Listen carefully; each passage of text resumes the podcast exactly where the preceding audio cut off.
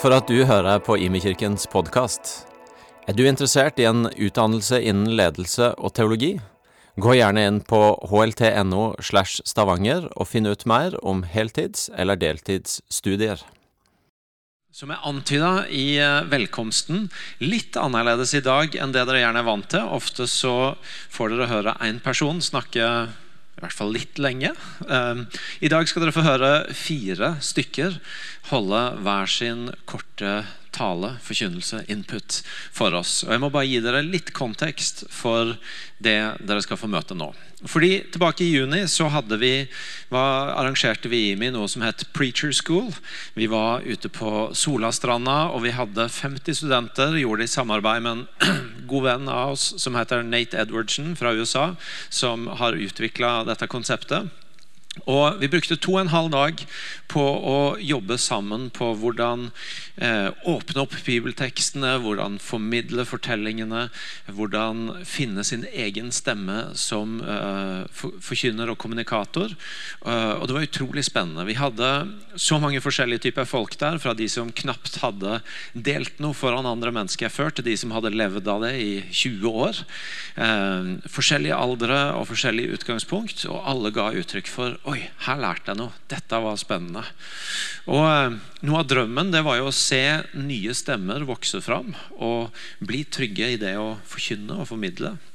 Og samtidig å skape fellesskap rundt det å drive med forkynnelse. At det, det kan litt lett bli en sånn sologreie hvor noen av oss sitter i våre egne rom og tenker og skriver og kommer ut med et eller annet litt på egen hånd.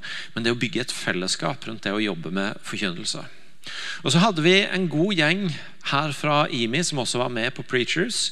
Mange av de sånn relativt unge folk. Um, og så tenkte vi vi må følge det opp. Så denne høsten så har de som hadde lyst, som var med på Preachers, de har vært sammen noen ganger på det vi har kalt Preach Club. Hvor eh, enkelt sagt, de som kommer, har fått en bibeltekst, og så får de beskjed om kom forberedt til å tale. Forbered deg som om du skal tale i kveld. Og så har vi, uten at en har visst på forhånd hvem, pekt på noen og sagt nå taler du. Nå har du ti minutter. Og så har de preika, og så har de fått feedback på det de har delt.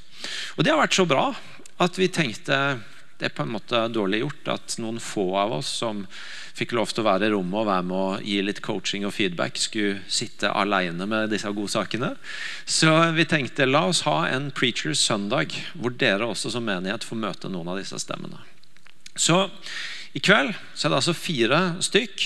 Eh, folk fra vår menighet. Eh, litt snikreklame siden Andrea var med skolene, som har enten gått på Akta eller HLT. Så fikk vi sneke inn det òg. Men som er med som ledere i ungdomsarbeidet vårt Join eller i student- og unge voksne-arbeidet. Og som eh, har fått én tekst som spiller opp mot jul.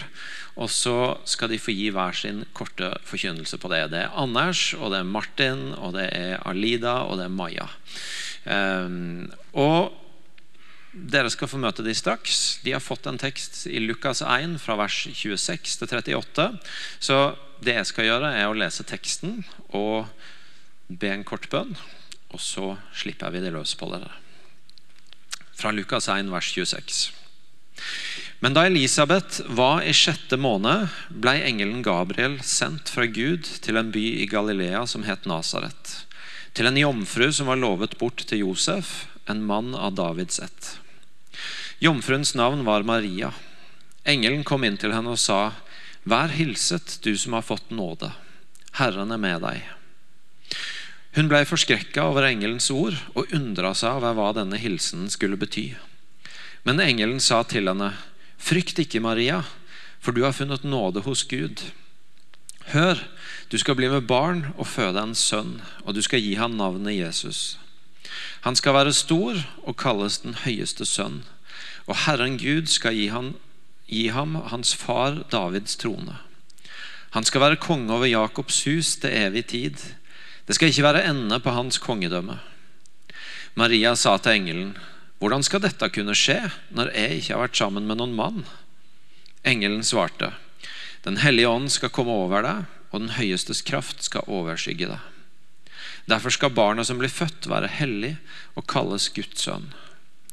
Og hør, din slektning Elisabeth venter en sønn, hun også, på sine gamle dager. Hun som de sa ikke kunne få barn, er allerede i sjette måned. For ingenting er umulig for Gud. Da sa Maria, Se, jeg er Herrens tjenestekvinne. La det skje med meg som du har sagt.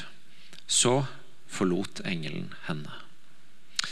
Hellige Ånd, du er velkommen til å være her iblant oss. Kom og fyll orda som nå blir forkynt, med liv. Og la de få berøre oss og treffe oss, sånn at det blir til liv for oss. Amen. Vær så god, Anders. Må gjerne klappe han opp. Thank you. Thank you. Du, mitt, mitt, navn er Anders. Jeg er 22 eh, år og har hatt gleden av å bo her i Stavanger nå i tre og et halvt år. Um, på, holdt jeg på å si, på fritida så studerer jeg på BI, ikke helt på fritida. Eh, og så har jeg den glede av å jobbe her i IMI med, som leder for unge voksne. Det er skikkelig bra. Og i det siste så har jeg tenkt på en ting. For hvorfor, hvorfor feirer vi egentlig jul? Sånn en ting er at det er et godt påskudd for å kose seg litt ekstra og kanskje treffes med familie og venner en ekstra gang. Men å feire noe som ikke bare én gang som var bra, men, men som skjedde for 2000 år siden, og så gjøre det igjen og igjen og igjen og igjen og Du skjønner greia? Vi har holdt på med dette i, i to årtusener. Det tenkte jeg i hvert fall når jeg leste og har brukt masse tid i, i, i denne fortellingen om Maria som, eh, som møter denne engelen. Og, og Maria hun var en, en, en, ung kvinne, mest sannsynlig helt i begynnelsen av, av tenåra. Er det i hvert fall en del som mener. Og Hun var forlovet med en mann som heter Josef. Og En dag mens hun holder på med sine vanlige hverdagslige ting og lager mat eller jeg vet ikke børster huset, eller noe sånt, så, så, kommer det en engel. Og Hvis du har lest litt i Bibelen i historien før her, så er det ikke, det er ikke nytt at, at, mennesker møter engler. Det har skjedd eh, både mannen i gata og den eh, hellige profeten. holdt jeg på å si. Eh, men det som er litt rart, er reaksjonen hennes. For det er den vanlige reaksjonen er liksom å, å, å kaste seg på kne og bøye ansiktet mot bakken og liksom ah, 'Det er ute med meg! Jeg er et syndig menneske.' Så eh, står det at Maria hun, hun ble forslikka. For engelen sa, 'Vær hilset, du som har fått nåde. Herren er med deg.' Og Maria ble forskrekka. Én ting er jo liksom og, og Maria, som oss, tenker jeg, vet at at Gud er liksom, han er allestedsnærværende. Og han har vært med, med Israel i, i, lange tider, eh, vært med dem som folk. Men, men meg Videre sier engelen, frykt ikke, Maria, for du har funnet nåde hos Gud. Du skal bli med barn og føde en sønn, og du skal gi ham navnet Jesus, og han skal sitte på kong Davids trone. Og så spør Maria tilbake, som jeg tror eh, alle oss hadde gjort hvis vi hadde hørt at vi skulle bli gravid uten å ha vært sammen med en annen person. Hun spør hvordan skal dette gå? Og engelen svarer Den hellige ånd skal komme over deg, og den høyestes kraft skal overskygge deg. Derfor skal barnet som blir født, være hellig og kalles Guds sønn. Og se Elisabeth, din slektning, hun som ingen heller trodde kunne få barn. Hun er nå allerede i sjette måned, for ingenting er umulig for Gud. Og Maria svarer, Se, jeg er Herrens tjenestekvinne. La det skje med meg som du har sagt. Når jeg brukte, brukte tid i den, den, teksten her, så, er det, så gjenkjenner jeg veldig den, den, den, undringen til Maria. Den litt sånn Jeg har hørt historiene, liksom, men oi, nå, nå skjer det med meg. Gud, Gud møter meg her. Og så Samtidig så er det en, en distanse. Eh, jeg greier ikke liksom helt leve meg inn i teksten. For jeg har nemlig et, et, et, ganske enkelt problem. Jeg er ikke kvinne, og jeg kan ikke bli gravid. Så jeg vet ikke helt om jeg kan forstå situasjonen som Maria eh, er i. Um, og hva gjør jeg da? Jo, jeg ringer den personen som jeg tenker er best på å være gravid i hele verden. Jeg ringer mamma. Og så spør jeg um, Hei, mamma. Du, eh, dette er litt rart, men hvordan er det egentlig å være gravid? Jeg vet ikke om du har, du har spurt mammaen din om det, eh, men eh, nå har jeg det i hvert fall. Eh, og vi, vi fikk en, vi fikk en, en, en, litt sånn sårbar, litt ubehagelig, men også veldig fin samtale. Eh, og hun sa bl.a. At, at det var eh, Det var veldig spennende å være gravid. For du, du lurte på, hun lurte på hvem er, liksom, hvem er dette mennesket som, som formes inni meg. Jeg kjenner at det er litt bevegelser og litt sånn temperament, kanskje. Men det er, noe, det er ikke noe, jeg kan se på. Det er ikke noen personlighet, ingen stemme jeg kan relatere til. Hun sa også at eh, jeg var relativt grei med henne. Hun slapp disse vanlige graviditetssymptomene med, med spy og oppkast og hele den pakka der. Hun kunne være ganske lenge i jobb, selv om jeg ikke vet om jeg helt kan ta æren for det. Um, og så sa hun en ting som jeg bet meg spesielt merke til. Og det var at hun sa at det var godt å ha ni måneder å, å vente på. For han visste at Oi, jeg skal få et barn. Til det faktisk var en realitet foran henne. Det var ikke bare en, en nødvendighet for å komme liksom fra kjennskapen eller kunnskapen om det til det ferdige produktet, om man kan kalle meg det. Men det var, det var en god ting.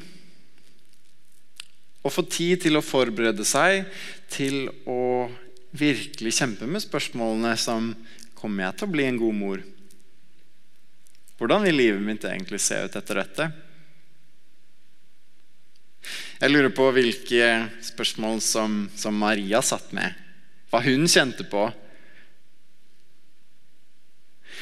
I fortellingen etter etter denne her, så, så, besøker Maria sin slektning Elisabeth. og De får et sterkt møte med Den hellige ånd, begge to. Og Maria bryter ut i lovsang.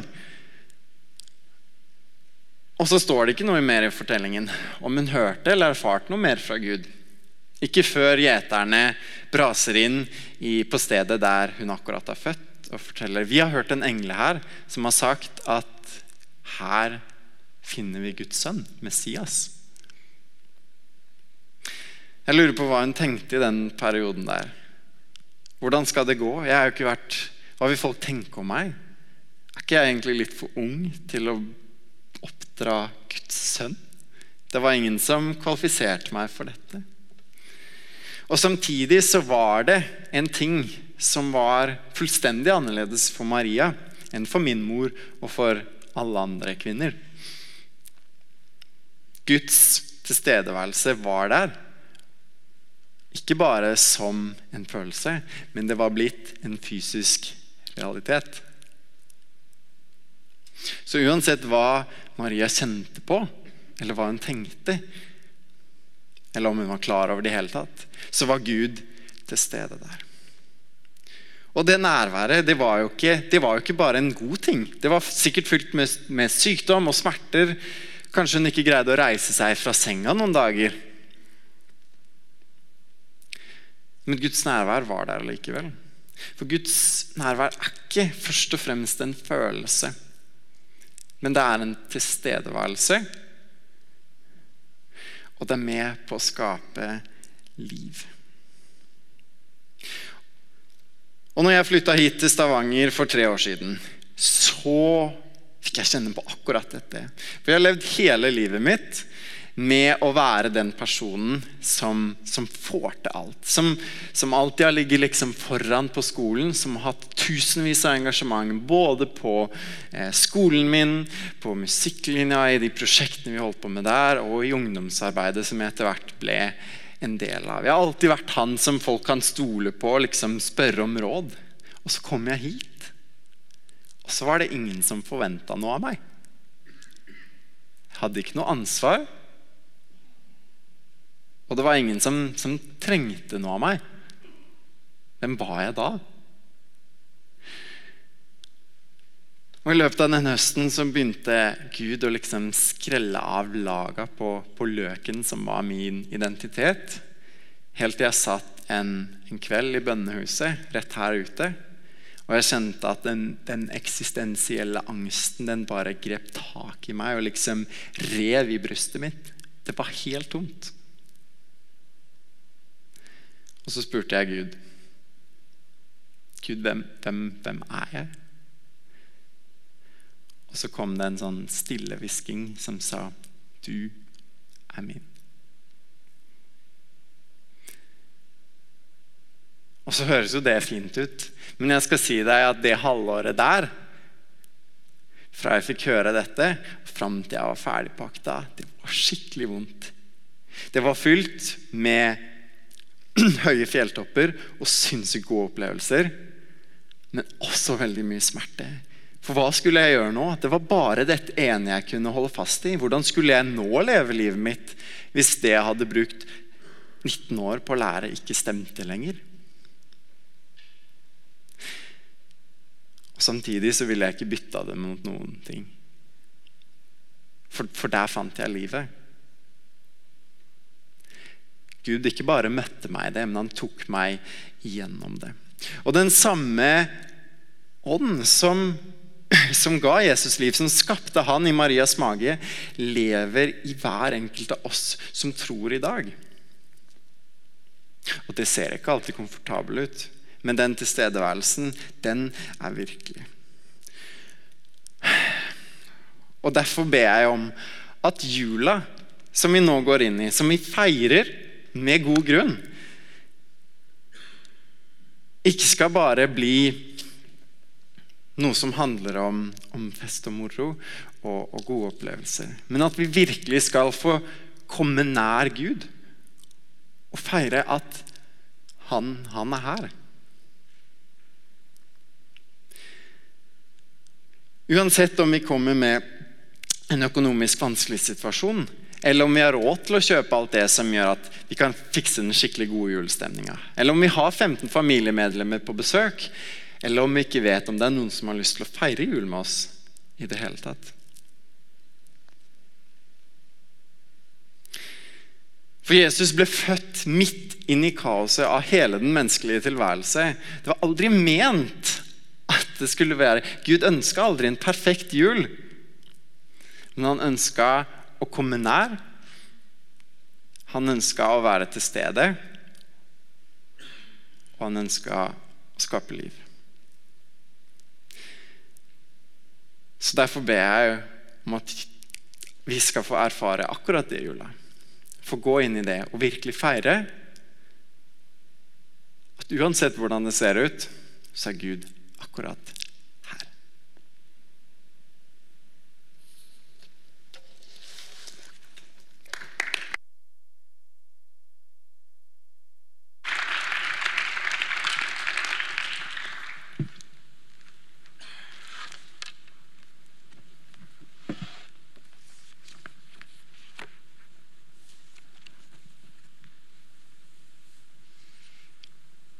Hei.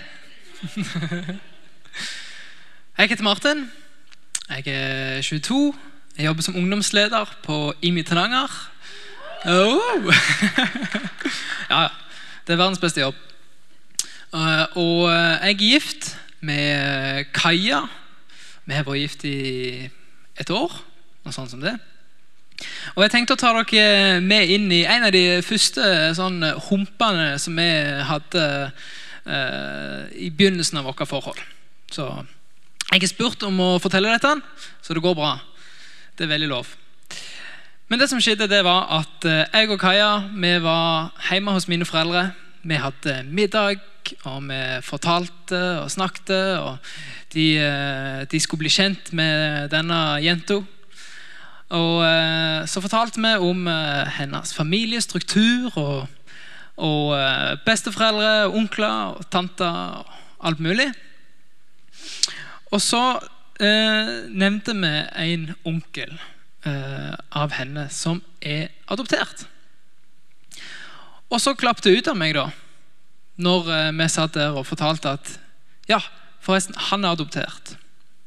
Og så på en måte bare fortsatt videre. Ja, ja, ok. Mm.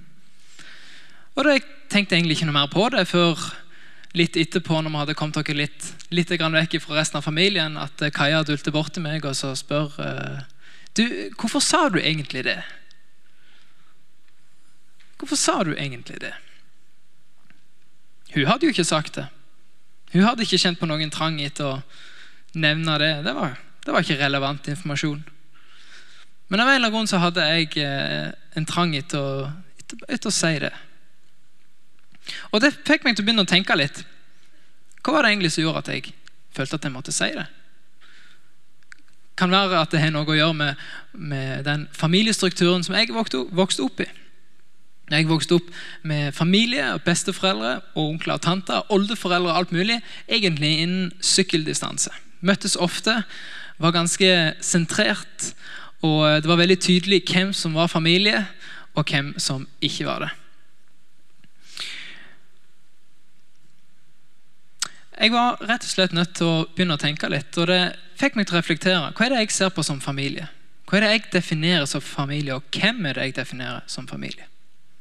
For det var jeg og Kaja på to forskjellige bølgelengder.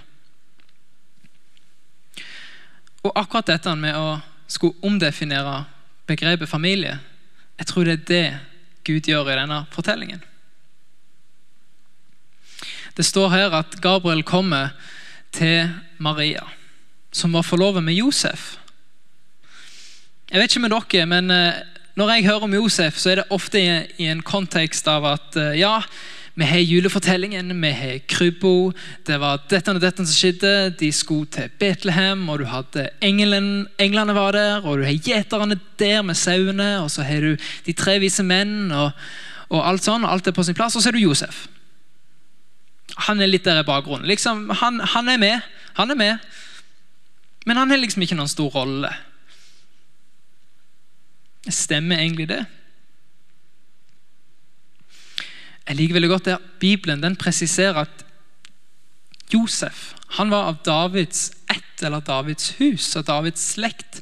Store kong David ikke sant, fra Gamle testamentet, som var av Israels slekt den største kongen som hadde vært, som alle så opp til. Og Jesus han var jo oppfyllelsen av haugevis med sånne gammeltestamentlige profetier. Og kanskje den viktigste som alle, liksom, som alle var klar over og visste om, det var at Messias han skulle komme fra Davids slekt. Og så er det interessant at det er Josef. Josef som egentlig ikke er i slekt med Jesus sånn rent plutselig, sånn rent fysisk. Men allikevel så er det her de presiserer at ja, Josef han var Davids hus. Messias kom med han og Maria. Det står videre i vers 32, når Gabriel er der og forteller til Maria om denne gutten som skal komme. Han skal være stor, sier han, og han skal kalles den høyeste sønn. Herren Gud skal gi ham hans far Davids trone. Når jeg leser det, så tenker jeg ja, det høres ut som Gud, men det høres også ut som Josef. Hans far, ikke med stor F. Hans far Davids trone. Jeg tror at Gud gjennom denne lille fortellingen her, så viser han at han er på gang med noe. Han er på gang med å omdefinere familiebegrepet. For Du ser det gjennom hele historien så har Gud forholdt seg til menneskene gjennom sine slektsledd og sine blodsrelasjoner. Abraham, stamfaren til hele israelsfolket, fikk løftet fra Gud. Jeg skal være med deg, jeg skal være med din slekt til alle tider. Og de skal få lov, de, gjennom de så skal hele verden bli velsigna. Og jeg skal være med deg. For et løfte. Og denne retten som de hadde til å være en del av denne familien, til å være en del av dette løftet, det var gjennom blodet de hadde den retten.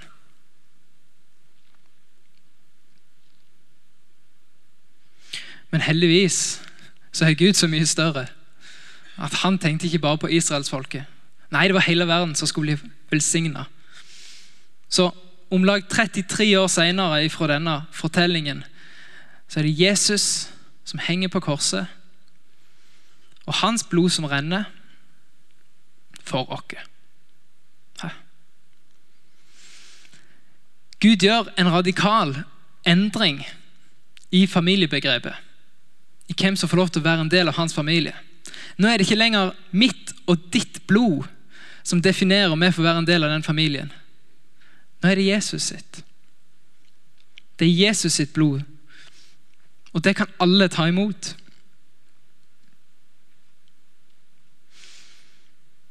Familien er fortsatt bundet sammen av blodet.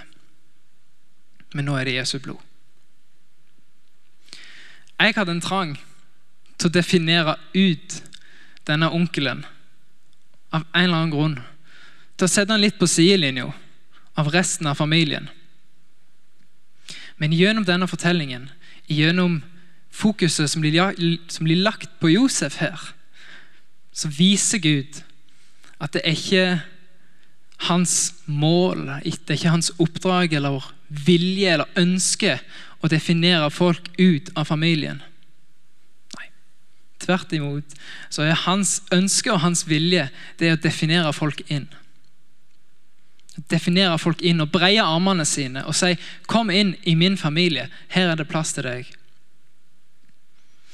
Det er en familie der vi ser hverandre, der vi elsker hverandre og tilgir hverandre. Det er en familie der vi er brødre og søstre. Og vi har en felles far og et felles heim som vi gleder oss og har forventning om at skal komme.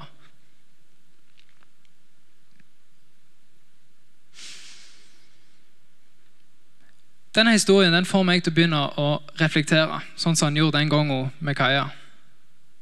Hvem er det jeg i dag definerer ut av familien?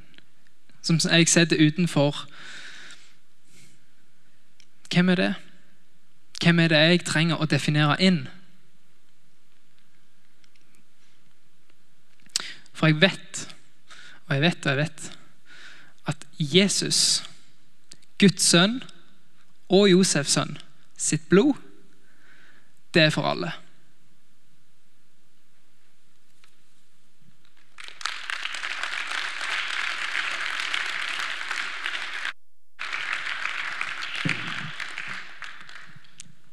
Hallo. Mitt navn det er Alida. Jeg er 21 år. Jeg er leder i K3 her på Join, og så jobber jeg på KS-skolen. Og når jeg satt og jobbet med denne teksten, så hang jeg meg så opp i denne engelen. Hvordan i alle dager kom han inn? Ble han bare droppet ned i rommet? Tok han på seg hatt og frakk og tok stresskofferten i hånden og spaserte gjennom byen? Banket han, banket han på før han gikk inn? Gikk han gjennom døren? Gikk han, altså, gikk han inn? Gikk han gjennom? Jeg vet ikke. Men det jeg vet, er at engelen Gabriel han kom på besøk til Maria, og han sa Du skal føde Guds sønn, og han skal hete Jesus. Og Jeg vet ikke med dere, men hvis jeg hadde vært tenåring og hadde fått beskjed om at jeg skulle føde Guds sønn, så hadde jeg én friket ut, og to forventet en 'Hvordan oppdra Guds sønn'-håndbok. Men Maria hun friker ikke ut, og hun får ingen håndbok. I stedet så sier engelen, og hør, din slektning Elisabeth venter en sønn, hun også på sine gamle dager. Hun som de sa ikke kunne få barn, er allerede i sjette måned. Elisabeth hun er en gammel dame. Hun og mannen Zakaria har i mange mange, mange år bedt om et barn. Og En dag så kommer en engel på besøk til Zakaria og sier din kone hun skal bli gravid. og Dette barnet skal være fylt av Den hellige ånd, og han skal lede mennesker til Gud. Og Dette skjer, og Elisabeth hun blir gravid. Noe av det første hun gjør når hun får denne beskjeden, er at hun reiser opp til Elisabeth. Og I dette møtet mellom disse to damene så bekrefter Elisabeth det hun ser at Gud har lagt ned i Maria. Hun sier, 'Velsignet er du blant kvinner, og velsignet er frukten i ditt mors liv.' Og Maria hun blir værende der i tre måneder. I det som kan virke som en totalt umulig oppgave, så får ikke Maria en håndbok, og hun får ikke en eller annen Ikea-manual. Men hun får en relasjon. Hun får et menneske å gå sammen med. Hun får en slags livsmanual, en slags tante som har gått lenger og har stått i det samme. En som kan bekrefte det Gud har lagt ned i hun, og som kan gå sammen med Maria. Og jeg tror at mye av grunnen til at Maria sa 'Gjør meg som du vil, Gud, jeg er din tjener', er fordi at hun fikk Elisabeth til å gå sammen med.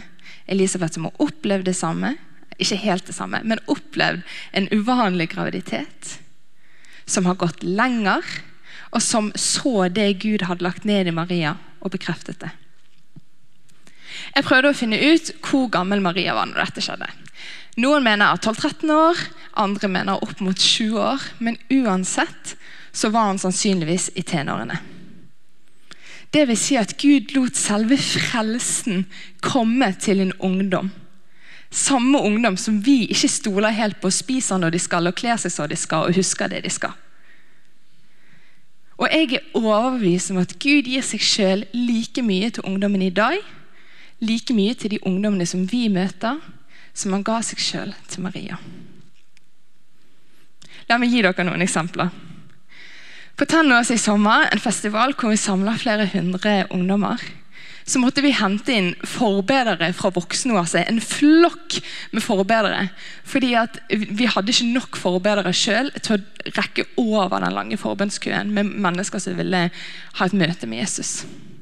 På Get Focus nå i november, som òg er en sånn ungdomsfestival som samler flere hundre ungdommer, så var på lørdagskvelden så var gulvet stappet med ungdommer som lå på kne fordi de ønsket å følge Jesus og leve det livet han hadde for dem. På Tryggheim videregående skole nå i høst så er én uke møteuke blitt til fire møteuker på ungdommenes initiativ. Og På Danielsen videregående skole i Bergen så har de nå i høst hver 30 elever som samlet seg hver onsdagsmorgen halv åtte, en time før skolen starter, bare for å lese Bibelen sammen og be for skolen. Og dette er dritkult.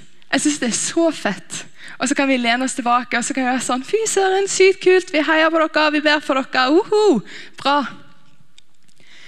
Men hva tror dere kan skje hvis vi velger å være et sånt folk som går sammen med hverandre?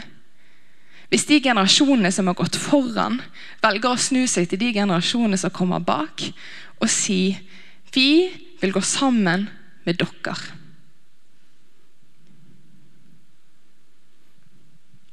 Min hypotese er at hvis vi har noen å gå sammen med, noen som kan veilede oss i livet, noen vi kan gå til når det stormer, og noen som anerkjenner det Gud har lagt ned i hver enkelt, så vil det gjøre oss til enda mer bevisste og frimodige etterfølgere av Jesus.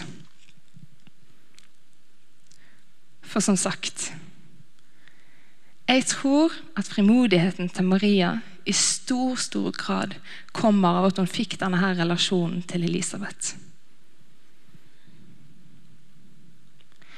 Og hvis du nå sitter og tenker litt sånn «Ah, Men jeg ville jo ikke ha med liksom, når jeg var ungdom, så ville ikke jeg ha med de voksne å gjøre. De var jo ikke kule. Vi vil ikke ha med de som er voksne. Liksom, at, at vi sitter og tenker sånn, da og har alle disse motforestillingene på hvorfor, der du sitter og diskvalifiserer deg sjøl, så vil jeg eh, sitere som jeg har fått lov å sitere dette, fra noen videregående elever som jeg har pratet med. Og de sier Vi trenger voksne til veiledning. For de har levd et liv med Jesus og har hatt mange av de spørsmålene vi har. De er reflekterte, vi trenger oppfølging, så det frøet som er sådd, ikke havner blant horner, men i god jord. Da er det fint med voksne som kan svare. Vi trenger voksne til veiledning, og da er det fint med voksne som kan svare. Så mitt spørsmål i dag er hva historie bærer du på? Hva liv med Jesus har du levd? Og hvordan, hvem, kan du, hvem har du i din krets som du kan ta under armen og si jeg vil gå sammen med deg, og jeg vil se det Gud har lagt ned i deg, og jeg vil heie deg fram. Og så vil jeg også si at man er aldri for gammel til å være en sånn person, men man er heller aldri for ung. Og nå ser jeg litt ekstra bort her. Og Hvis du også sitter og tenker søren, jeg skulle hatt en sånn person å gå med, jeg vil ha en sånn Elisabeth-figur i mitt liv som kan veilede meg, som jeg kan lene meg litt ekstra på. Så, så vidt jeg kan se i denne teksten, så får ikke Maria beskjeden om at Elisabeth har også blitt gravid, og så sitter Maria der og venter og tenker åh, kommer hun snart? Nei, nei. Hun drar og oppsøker Elisabeth, og så blir hun der.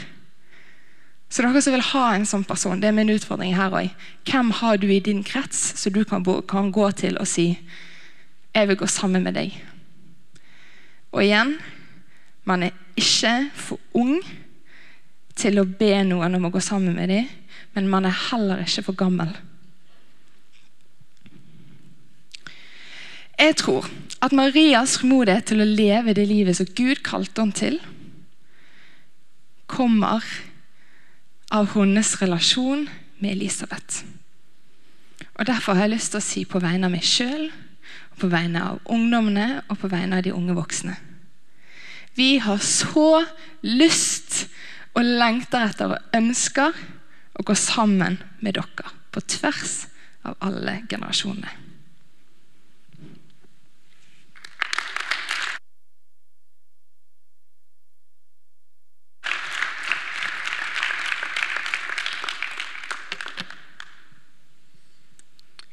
Hei. Jeg heter Maja.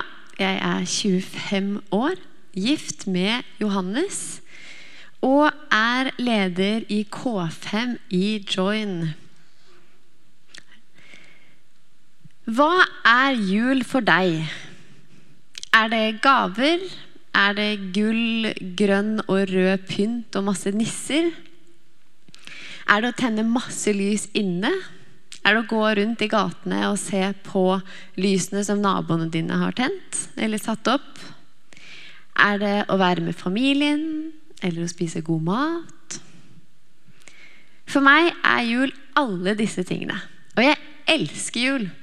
I år satt jeg opp eh, juletreet og pynta hele leiligheten til jul 26. november. Og jeg og Johannes vi bor på 35 kvadrat. Men juletreet, det skulle få plass.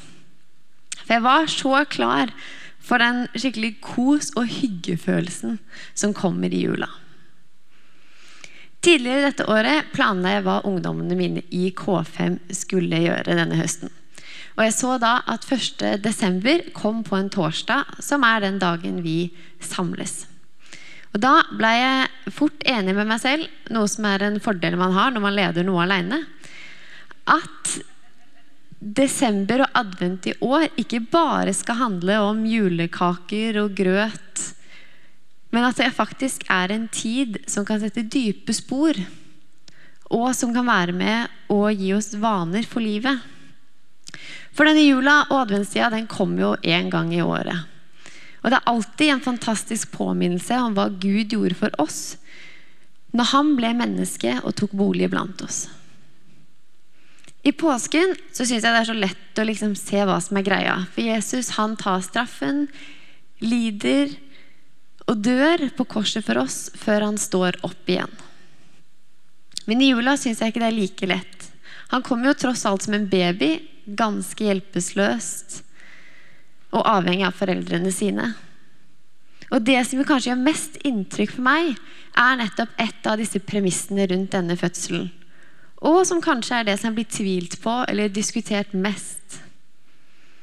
Og det er nemlig at det er en jente i begynnelsen av tenårene som skal føde en sønn. Akkurat som det står i Jesaja 7,14.: Se, den unge jenta skal bli med barn og føde en sønn. En sønn som ikke blir født innenfor de rammene som er vanlige på dette tidspunktet, men som blir født så langt utenfor rammene at eh, Maria kan risikere å bli drept for dette fordi hun er en ugift kvinne. Og så kan vi si hva vi vil om at jul er hyggelig og kos, men utgangspunktet for all denne hyggen og kosen er ganske dårlig.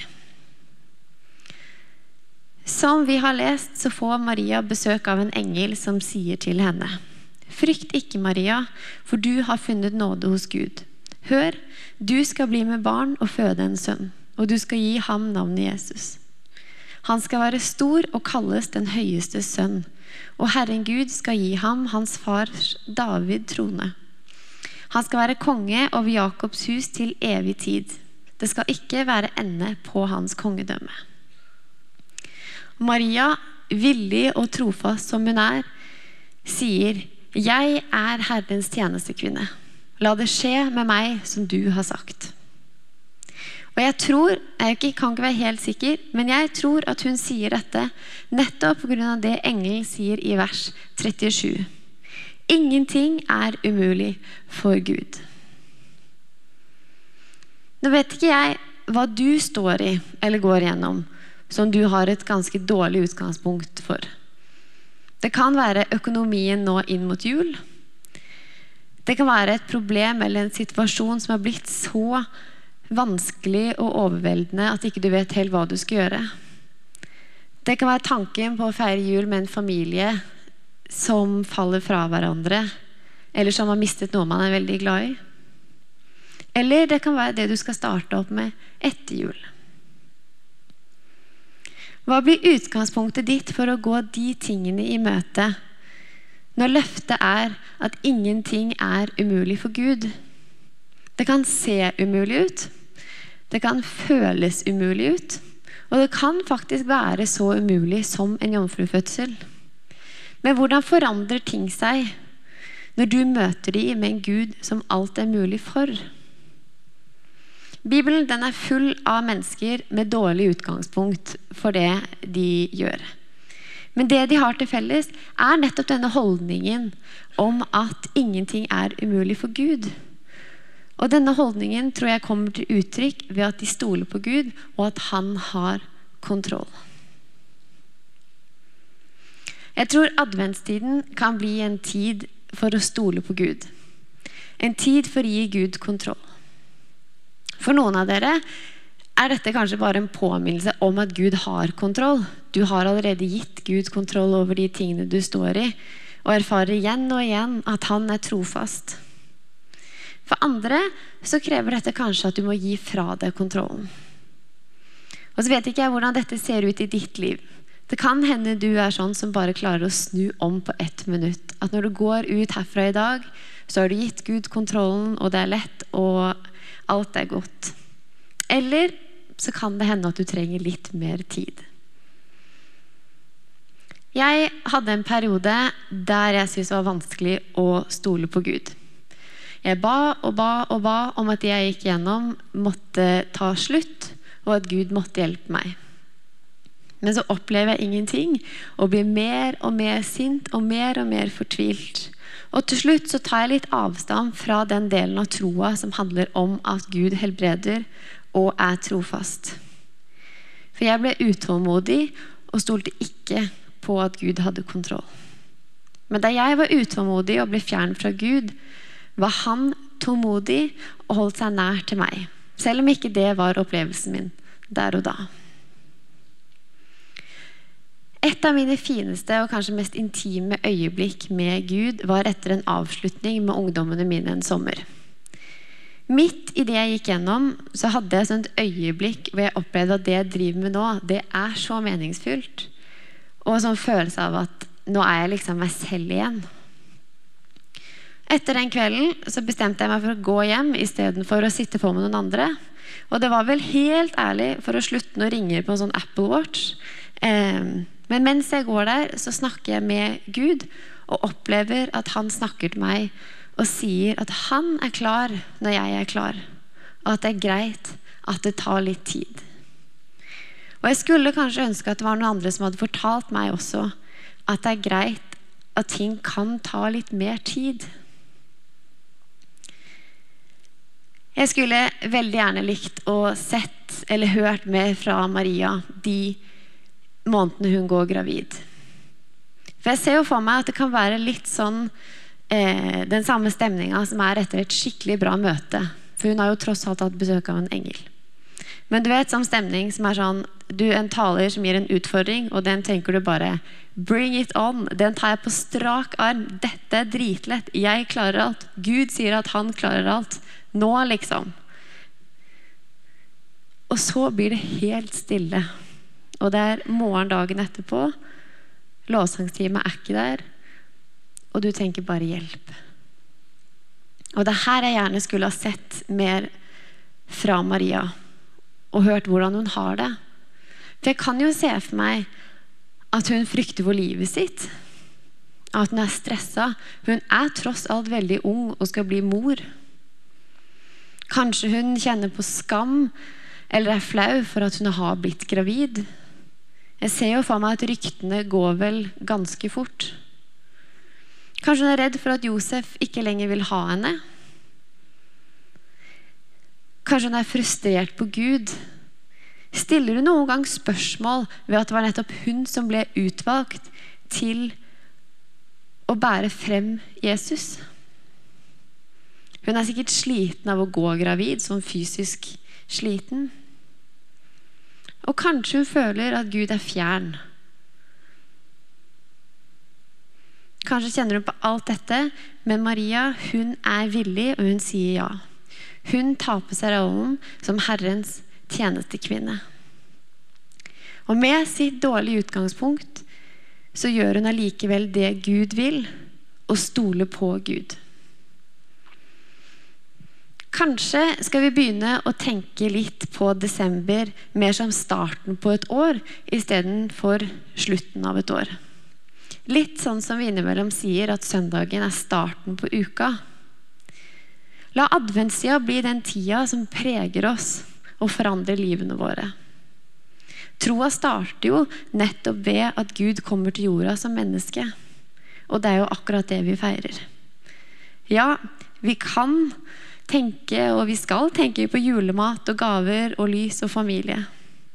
Vi kan dra på åtte forskjellige juleavslutninger og julebord.